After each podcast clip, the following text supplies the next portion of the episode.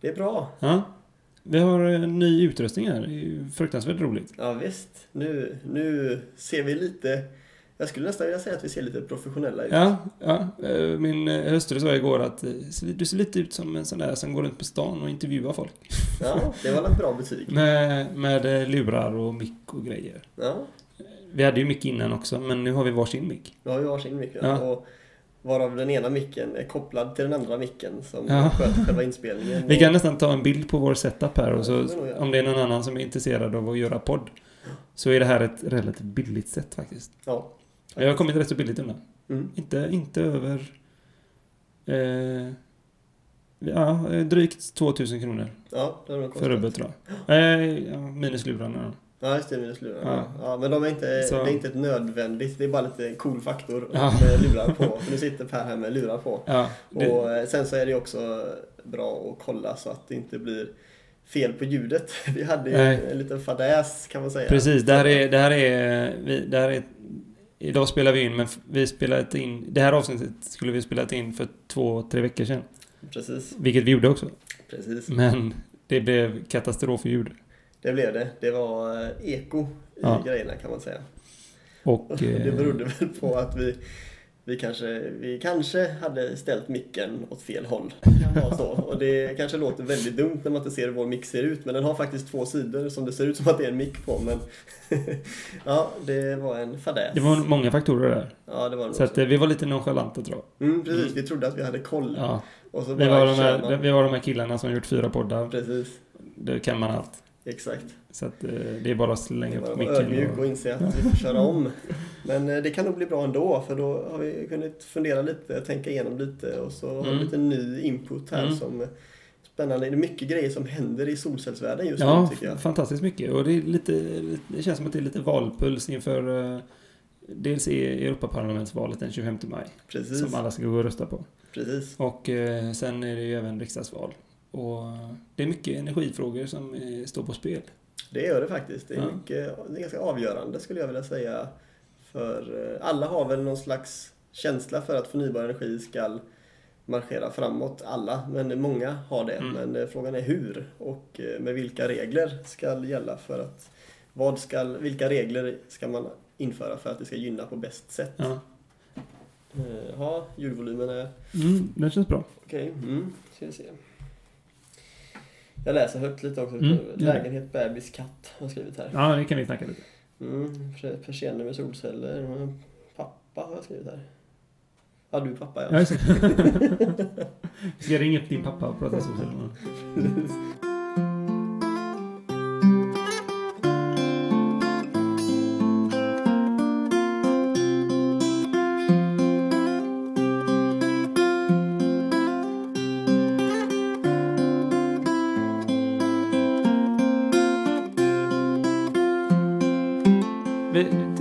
Annat ljud än vad vi brukar ha och det är inte bara tekniken utan eh, vi, vi tidigare varit hemma hos mig.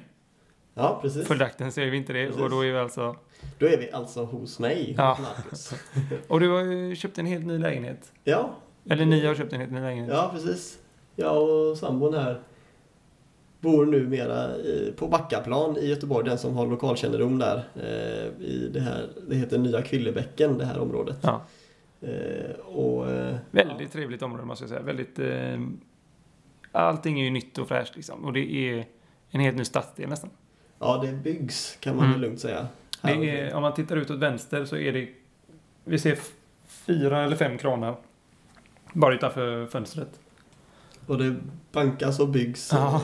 Eh, eh, lite nästan oro ibland här att eh, vi ska hamna mitt i bankandet eh, när vi spelar in vår podd. Ja, ja. Och det anledning, eller den största anledningen till att vi inte är hos mig längre är ju egentligen att eh, jag har blivit pappa.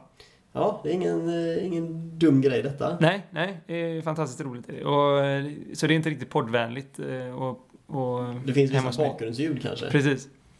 Men nej, det är väldigt roligt. Ja, Hon, vi fick en liten flicka ja vad trevligt. i slutet på mars där. Och man, man ser ju framsteg hela tiden med henne. Hon Ja. växer och det är liksom... Det händer grejer. Det händer grejer hela tiden. Speciellt nu de sista dagarna så hon har eh, börjat skratta, och, eller inte skratta men le framförallt och det är jättestort. I Ja. början så är man så här, hon kommer ju aldrig ha ett ansiktsuttryck, tror man. Men nu helt plötsligt har hon eh, börjat att le och hon har börjat titta konstigt på en. Så. Ja, så att, eh, men man får lite ögonkontakt och så och det är fantastiskt. Så du har fullt upp kan man säga. Oh ja. Och det är en stor anledning till att jag inte pluggar just nu. Ja, det kan jag ju förstå. Mm. Att annan, annan prio. Det har hänt lite grejer i, eh, i eh, debatten här senaste tiden. Mm. Solcellsdebatten Mm. kring diverse regelverk och sånt som... Eh, det är inte helt klart alltså. Och det är inte lätt Nej. att hänga med.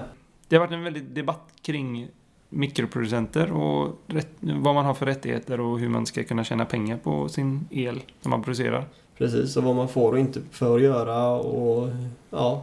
Det är, det är svårt. De flesta som är involverade i den här debatten eh, tycker lite olika och tänker lite olika och det är svårt att ha koll Mm.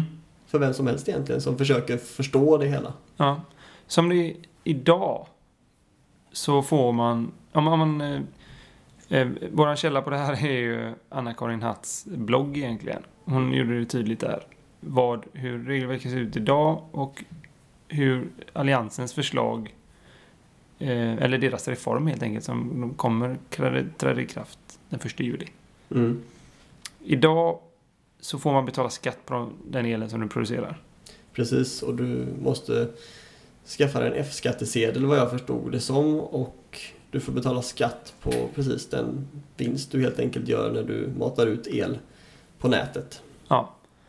Och det här har diskuterats flitigt i, eh, i sociala medier, men även i P1s... Programklotet. Just det, så heter det. Mm. Klotet i P1. Det är för övrigt ett program som kan rekommenderas väldigt varmt. Jag har lyssnat väldigt mycket på det. Ja. Bland andra eh, Sveriges Radio-program. Som de, har mycket trevliga miljöprogram som har sagt tidigare. Men just klotet är bra.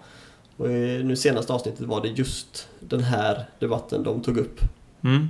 Där intervjuade de ett eh, par som hade köpt en solcellsanläggning av Vattenfall. Och eh, de hade från början så hade Vattenfall lovat Att de skulle, jo, de skulle få pengar då för den utmatade elen. Eh, då det här som kallas för spotpriset som man får. Mm. Och sen utöver det, det här spotpriset ligger ju på, den varierar lite men så mellan 30 och 40 öre per kilowattimme. Ja. Eh, och sen skulle de utöver det få en krona per kilowattimme för eh, utmatad el då från Vattenfalls håll. Precis, och det är ju väldigt bra betalt. Det är en oerhört fördelaktig lösning för de som äger solcellsanläggningen. Ja. Ehm, Ja, vi blir avbrutna av en helikopter ja, precis. som flög förbi. Men i alla fall, du, du var inne på att eh, det är flera, flera Vattenfall som kör den här bilen. Precis, det är, det är lite fler. Det finns Fortum och det är Telge Energi eh, och det finns säkert fler ändå som har de här väldigt fördelaktiga avtalen för solcellsanläggningsägare där man får ja, någon krona då eh, utöver spotpriset för utmatad energi för att främja då solcellsutbyggnaden. Eh, Så att det är ju schysst av dem. Mm. Men det här är ju någonting som troligtvis kommer tas bort. Alltså man kan ju säga som så att det är ju verkligen ingen vinstaffär för de här bolagen att göra på det här viset. Vissa bolag eh, är ju väldigt profilerade eh, på att stödja förnybar energi och bara, nästan bara säljer förnybar energi. Vissa, andra gör inte det. Så det handlar nog mycket om att visa sig bra just nu och sen i förlängningen så är det ingen som kan ha kvar det här konceptet eh, för att det inte är lönsamt. Så att eh, det är inget som man som solcellsägare kan räkna med att ha under sina 25-30 år som man har sin solcellsanläggning installerad, den här fördelaktiga delen. Eh, utan man ska nog, för att vara, man ska nog, som man alltid, man ska ha använda sunt förnuft och tänka att det är nog spotpriset och sen eventuella andra subventioner från statligt och mer sånt som man ska fundera på när det gäller hur man ska satsa. Ja. Och man måste ju alltid när man gör, tar, gör sådana stora investeringar se den långsiktiga... Precis, det spelar ingen roll om du får en krona per kilowattimme i två år eller Nej. tre år eller till och med fyra, fem år. För det är längre än så det handlar om när det gäller solcellsinvesteringar. Man får ju räkna på 25 år i alla fall. Ja, 25-30 år. Jag tycker Ja. 30 år är rätt bra. Mm. Alltså, de garantierna brukar ju vara, alltså effektgarantierna brukar ligga på 25 år med en viss degraderingsgrad, om det är 80% efter 25 år ungefär. Eh, men eh, det är ju då effektgaranti. Det är inte en systemgaranti, vilket är, det är också en diskussion vi kan ha någon annan gång i någon podd. Ja, okej. Vad Kan du som- förklara snabbt vad... Ja, det är alltså, effektgarantin är någonting då att eh, tillverkarna då garanterar att effekten från panelerna ska inte försämras mer än att den producerar 80% av sitt ursprungs, det som producerar när du köper den, efter 25 år då, med vissa steg så att säga, så det degraderas eh, per år då. Eh, Och sen efter det så finns det inga garantier egentligen från, från tillverkarna som gäller, utan det är eh, mm. Ja, men, Låt den äta. Ja, pausa lite här. Vi kan göra det som en rolig anekdot i detta. Ja, mitt i pratet Ja. här så, eh, ja, vi har ju som sagt skaffat katt. Så att, eh, eventuellt knaprande ni hör i bakgrunden är, är en katt som eh, knaprar på hård, hårda matbitar här i bakgrunden. Det är, vi, vi, jag har tänkt på det mycket här nu. Vad heter han nu igen? Eh, Snowy heter Snow- den här katten. Den Ja. är vit så att det är lite Snowy. Mm. så att, eh, och vi har tänkt på mycket nu. Vi har satt upp lakan i taket och ditten och datten för att hålla, vår, eh, hålla ekon borta och sånt. Men kattfaktorn, den missar vi lite. Kattfaktor och helikopterfaktor har vi inte riktigt räknat in. Precis. Det är nog... Man lär sig. Ja. Nu kommer man börja leka med en snodd här också. Ja. Bita lite. Men det låter inte så mycket så det kan vi Nej. nog klara oss ändå. Ska vi se vart vi var. Ja, eh, jo du ville undra det här med effektgaranti. Just det. Effekt, ja, just, effekt, effektgarantin. effektgarantin, effektgarantin har du förklarat nu. Vad, vad var systemgarantin då? Systemgaranti eller eh, så att säga Det finns systemgaranti och det finns även Eh, garantier för panelerna eh, i sig då. Så det, de lämnas från lite olika aktörer. Tillverkarna lämnar en viss garanti för sina respektive produkter som är med i systemet, solcellssystemet. Alltså det kan vara solcellspanelerna, det kan vara växelriktaren och så vidare. Och där gäller det lite olika beroende på hur de som eh, de som har tillverkat respektive produkt har bestämt att de vill ha garantierna. Sedan så...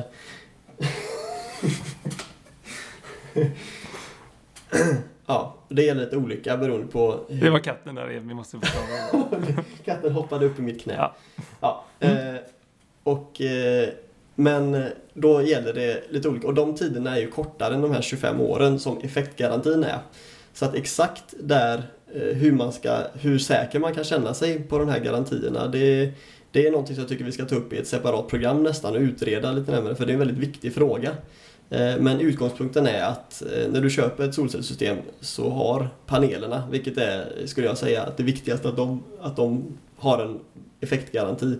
Det är 25 år som standard i branschen. Men det är ju orim, det är orimligt är det inte, men det är osannolikt att de håller 25 år och sen bara brakar de ihop. Mm. Eh, Och, så att säga, de anläggningar som sitter uppe som har suttit så pass länge så att man faktiskt kan mäta på det visar på att det funkar eh, ganska bra, eller väldigt bra faktiskt. Till och med på då anläggningar som är så pass gamla. Och nu har vi ny teknik när vi tillverkar anläggningarna och panelen också så att eh, det ska nog hålla betydligt längre än 25 år förmodligen.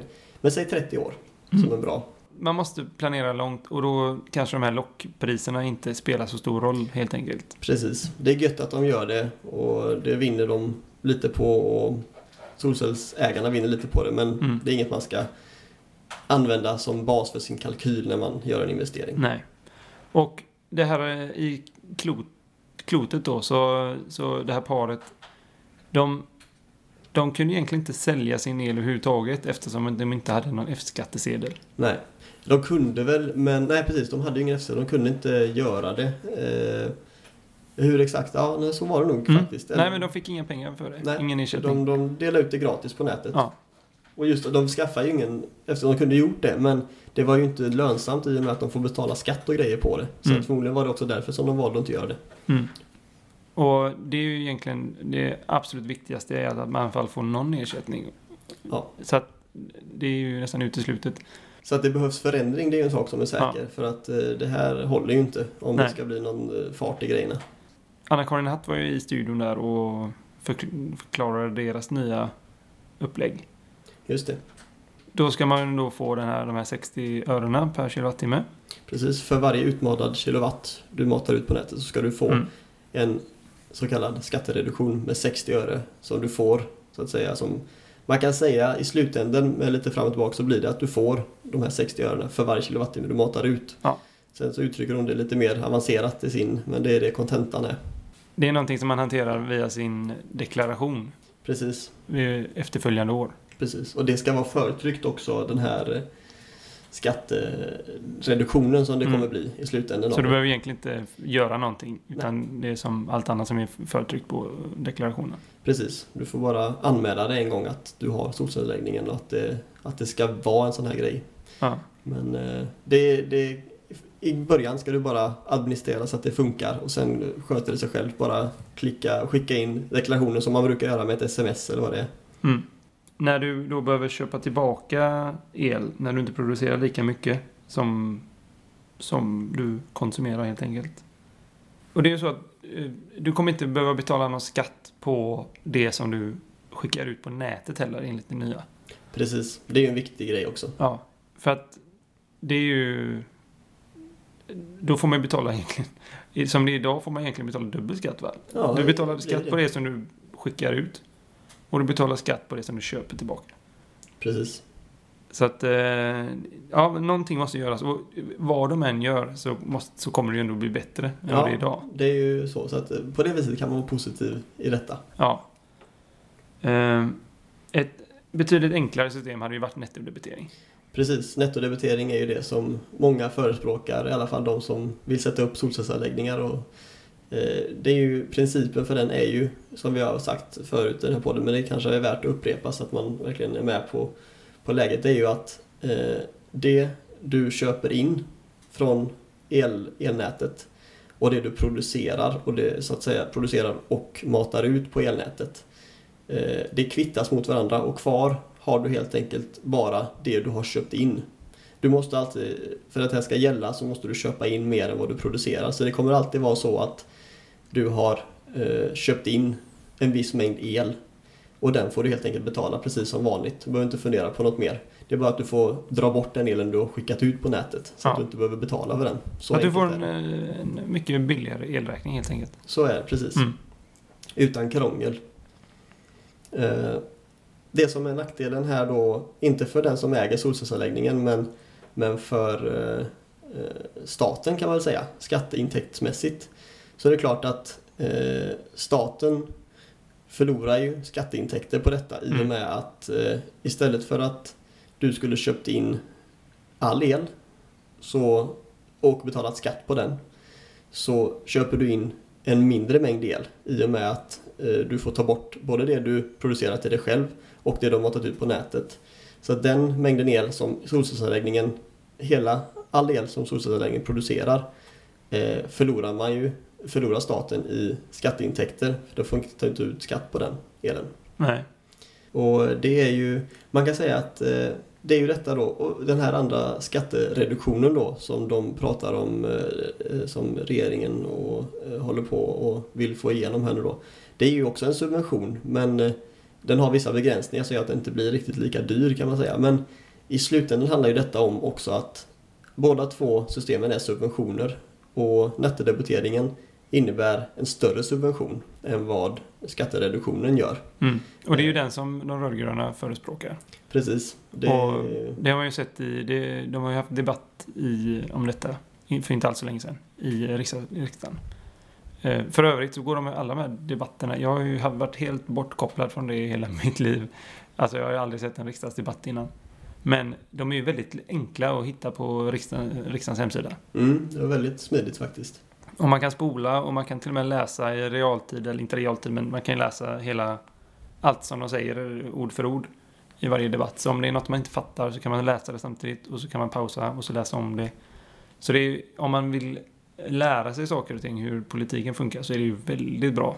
Mm, väldigt smidigt. Man behöver inte gröta in sig så mycket i allt. Man kan bara välja det ämnet som intresserar en. Och så kan man lära sig om det. Till exempel solenergi Ja, och ja. sådana saker. Är man intresserad av försvar, eh, försvaret så kan man lyssna på deras försvarsdebatter. Och Ja. är man Och det intresserad tar inte så mycket innan man faktiskt får en ganska bra bild ändå av eh, var de olika partierna står i frågan och hur, hur de resonerar. Nej, en sak som jag saknar då, som jag tycker de borde kunna förbättra, är att dels så tycker jag det ska komma ut som en podd.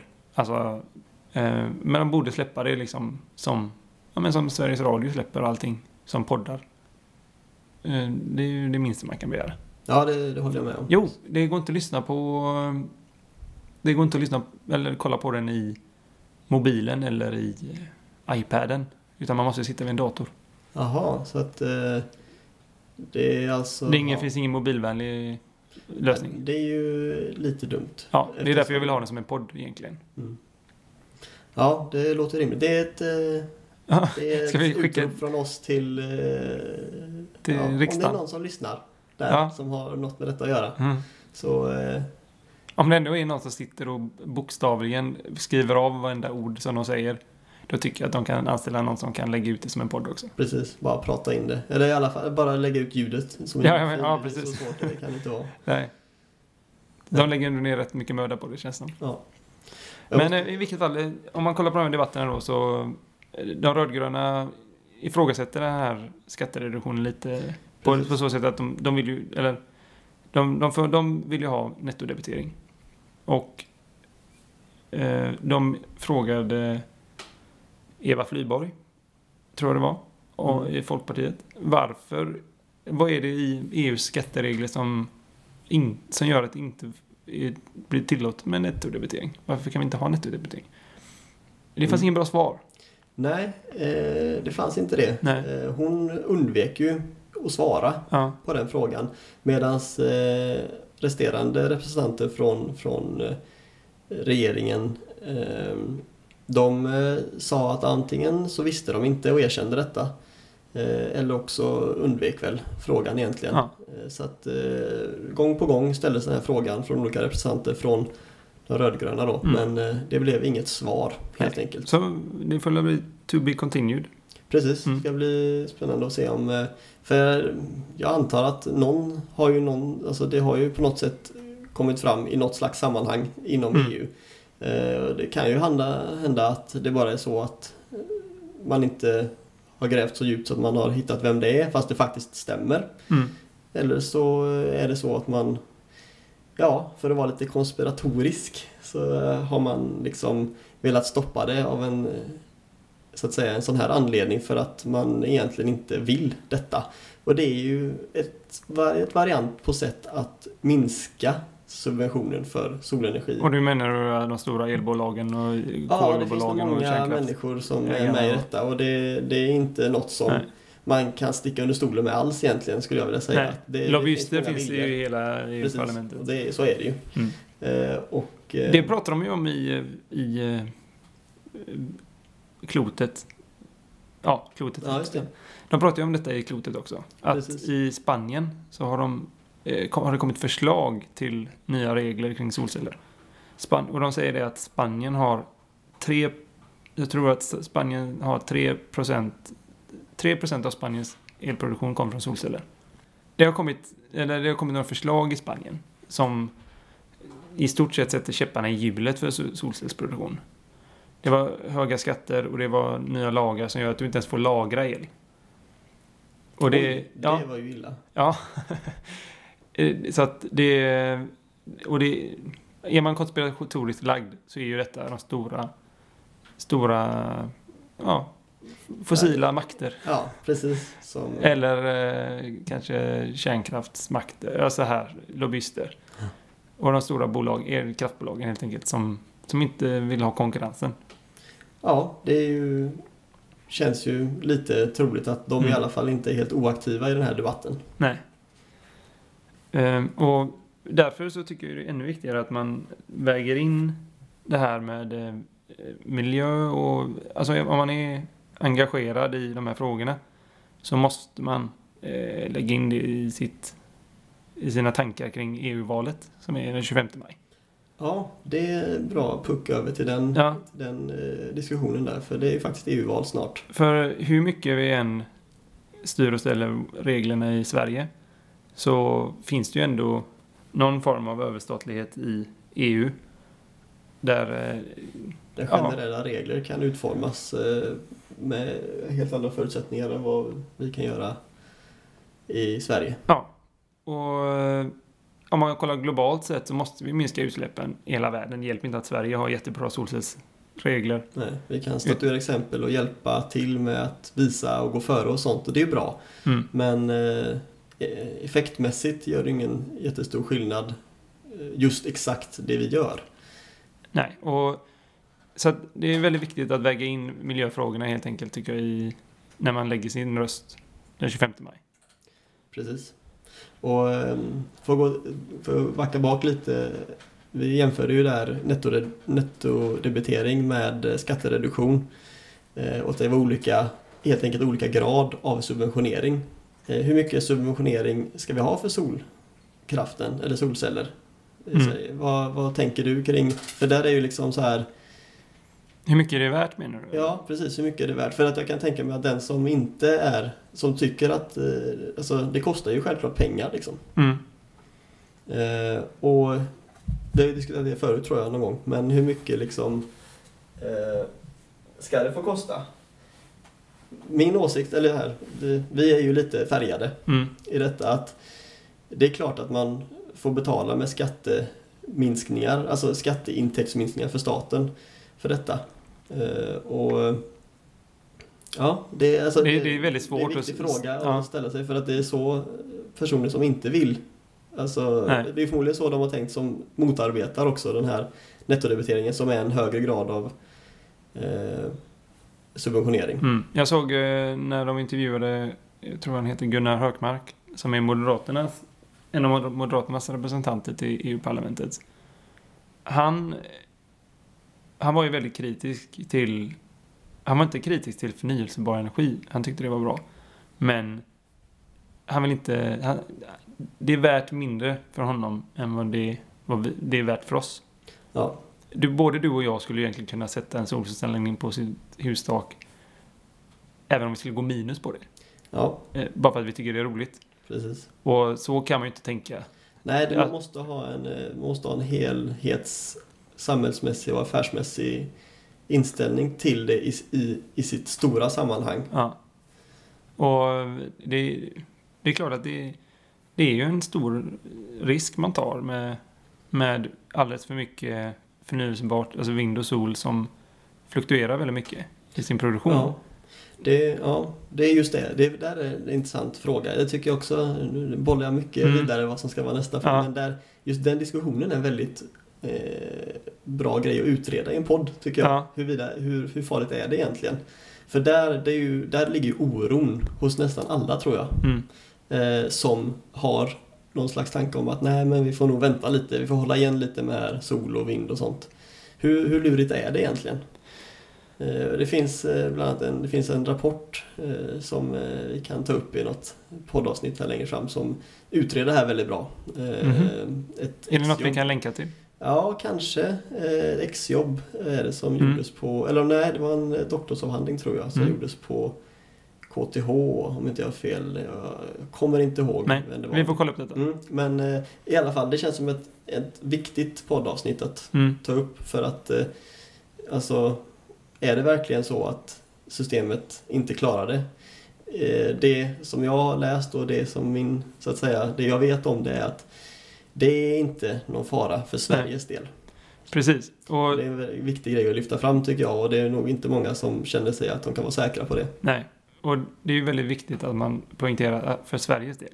För att våran reglerkraft, idag har vi ju vattenkraften som är en väldigt stark reg- reglerkraft. Som, så att det är egentligen den som avgör stabiliteten i eh, elsystemet. Eller? Precis. Och vi är ju reglerade för, för inte bara oss själva utan några till. Men som det är nu så är det ju ganska begränsade kontakt, alltså anslutningar till andra länder. Så därför så har vi ju, har det väldigt lugnt för oss Mm. att reglera oss själva just nu. Men så bor vi ju då i, i Europa och är med i EU. Mm. Och om man ska diskutera den här frågan på EU-nivå så måste man eh, tänka på ta in alla de andra ländernas reglerkraft i, i, sin, i åtanke. Och där är det ju mycket mer eh, mycket mer eh, kolkraft och kärnkraft även. Alltså vi har ju kärnkraft i Sverige också. Och det, jag antar att det borde vara en stark reglerkraft också. Ja, det kan man väl säga. Men är absolut inte på samma sätt Nej. som eh, vattenkraft. I och med att det är så oerhört enkelt att variera eh, effekt, Mm. eh, alltså hur mycket effekt man matar ut från ett vattenkraftverk Ja. jämfört med ett Ja. kärnkraftverk. Och även frekvens och sånt. Ja, precis, alltså det Mm. blir indirekt Ja. en, det blir ju en frekvensreglering Mm. i och med mängden.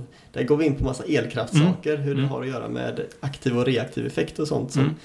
Spännande att man en gång får prata om detta i podden. Ja. Även om vi inte ska gå in på det, gröta ner det. Nej. Men det, det är precis det vi har läst rätt mycket i vår Mm. utbildning. Men eh, i vilket fall. Eh, om vi har, om vi säger att vi skulle ha starkare anknytning till Europa. Att vi skulle ha eh, stabilare elledningar ner. Då skulle vi kunna hjälpa till att stabilisera när det är så att säga instabilt. Precis, dippar där nästan både det blåser jä- rejält och solen lyser för fullt så eh, har vi till och med haft negativa elpriser i till exempel Danmark och Mm. det har till och med hänt i Tyskland. På grund av att de har ju betydligt mer Och om det inte blåser någonting och inte solen lyser så måste vi ändå ha en, Då måste det ju finnas någon som matar in ändå. ja. Men eh, jag tror ändå att det behövs pratas mer förnyelsebart i EU-parlamentet. Mm. Det som är en intressant tanke också det är att eh, som vi hörde den här debatten, eh, interpellationsdebatten Mm. på, re, på, på regeringens, nej vad heter det? Jo. Riksdagens hemsida. Eh, just att eh, när det gäller regler i EU menar jag, och moms och sånt, så är det så att många länder idag de har ju nettodebitering. Ja, precis. är med i EU. Mm. De här länderna är alltså medlemmar i EU och kör på, på nettodebitering.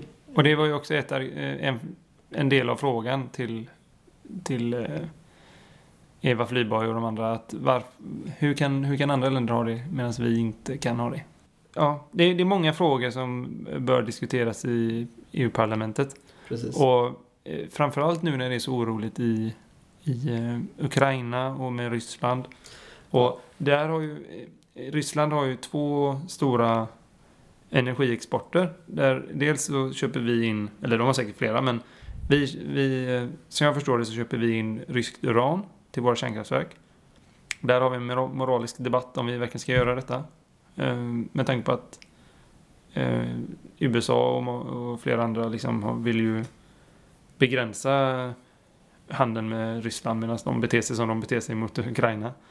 Och dels så har ju ju Ryssland sin gas som de eh, förser stora delar av Östeuropa med. Och eh,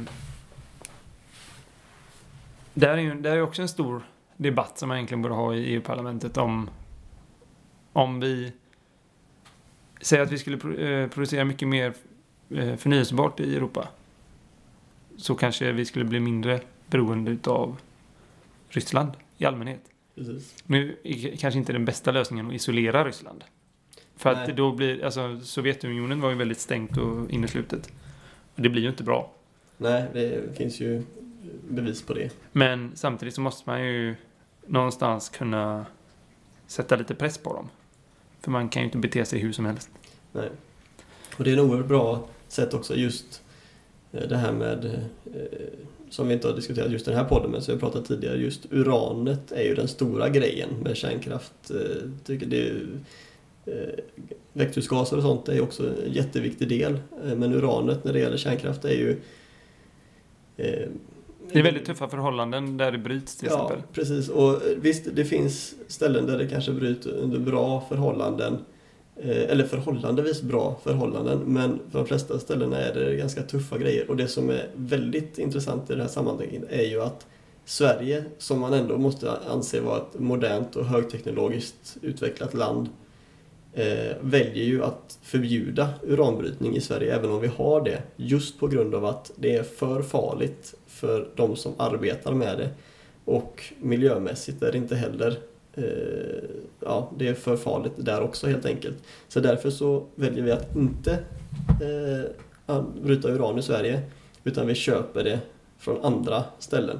Och då kan man ju undra eh, var någonstans, det är en fråga som jag Mm. skulle vilja gräva vidare lite. Gärna någon eh, som lyssnar på podden får gärna eh, skriva och berätta lite för varifrån kommer egentligen uranet som vi använder i svenska reaktorer? Och vart skickar vi det när vi är klara? För att Ja. slutförvar har vi ju inte någon riktigt fungerande... Alltså vi har, inte- det är ju ingen det är, det är ju den här anläggningen i Finland som vi vet om.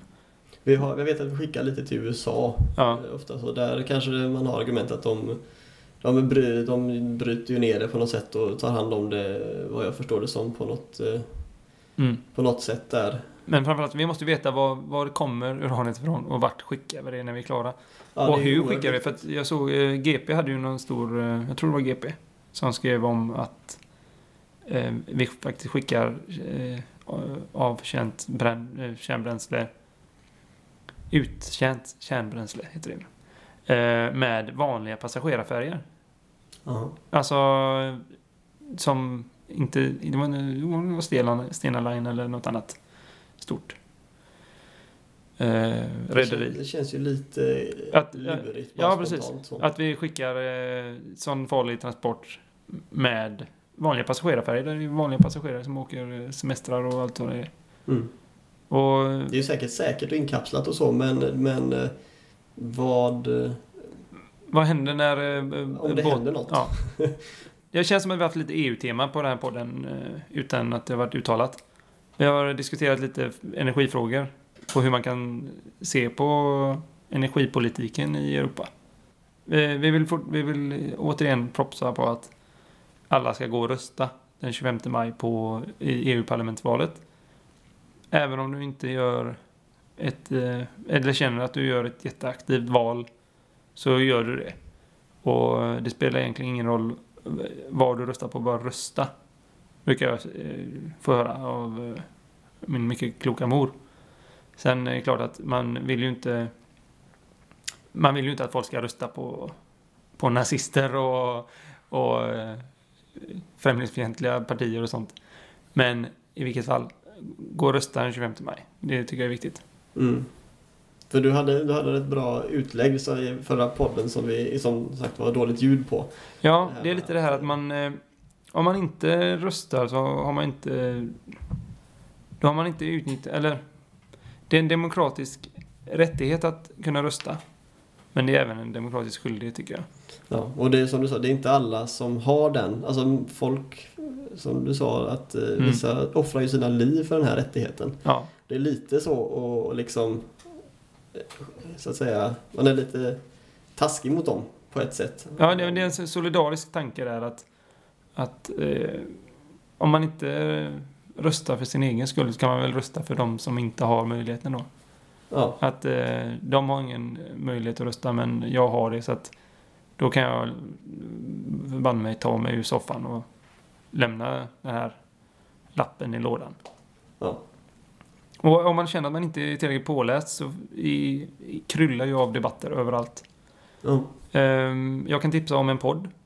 Om, om man känner att man inte har tillräckligt bra koll och kanske inte är jätteintresserad av att sitta och kolla på riksdagsdebatter eller de här eh, tv-debatterna som är i SVT. För de kan vara rätt så tunga och tråkiga. Så tycker jag att då kan man eh, lyssna på Synfält framåt med Kristoffer Appelqvist som är en stand-up-komiker Okej. och eh, en kollega till honom. Väldigt bra intervjuer med politiker. Eh, många EU-parlamentariker. Där, och han, är, han är fruktansvärt påläst, eh, Kristoffer Appelqvist. Och ja, bara eh, väldigt, väldigt intressant. Eh, han ställer bra frågor och det känns som att de riktar sig till de yngre. Mm. Och det, då blir det, det blir en liten annan atmosfär. Det blir inte det här eh, stela, tråkiga som kan vara i SVT. Nej. Och framförallt så får det är en person som blir intervjuad varje gång. Och den personen får tala till punkt. Och den personen får säga hela sin... Sin Mm. ståndpunkt i frågan. Ja, och nej, väldigt bra. Synfält framåt heter den. En podcast. Intressant. Det har inte jag hört talas om heller. Det Mm. kan jag också lyssna på. Jag känner mig eh, väldigt nöjd för denna gången. Ja, jag Det var ju första podden på väldigt länge nu. Vi, vi har ju, det blir vårt avsnitt fem och eh, det känns bra att vara tillbaka med eh, ny utrustning och nya tankar och så. Precis, och det, jag kanske, det kanske märks genom den här podden att det vi har gått och tänkt rätt mycket på olika ämnen så att det har varit mycket eh, så att säga eh, uppradning av olika spännande grejer som, som man egentligen skulle kunna diskutera väldigt länge om. Ja. Varje del egentligen. Precis. Eh, vilket vi eh, förhoppningsvis ska kunna göra i poddarna framöver. Där vi kan gräva lite djupare. Men eh, det är samlingssnack här lite om, eh, om vad temana förmodligen kommer att handla om framöver också skulle man kunna säga. Ja. Vi är väldigt glada att vara tillbaka. Ja, det är kul att få köra på igen. Ja. Vi kör väl ungefär samma upplägg som vi haft tidigare, att vi kommer ut varannan vecka. Ja, det är, det är målet verkligen. Mm. Och det är som sagt, det finns mycket att snacka om så att det är bara tiden det handlar om. Men eh, vi ska nog se till att fixa till detta. Nu, har vi, nu är vi ju oerhört seriösa här med våra utrustningar och mickar och lurar och så att eh, Vi har investerat lite nu, så att då, då, då känns det som att man får liksom... tuta och köra lite Ja. hårdare. Mm. Det blir nog bra. Men eh, ja, tack för idag då. Tack för idag ja, säger vi från, från eh, Göteborg och Kvilleveckan. Ja. katten hälsar till alla poddlyssnare också, står och lurar här runt hörnet. Tack för idag. Ha det fint. Hej.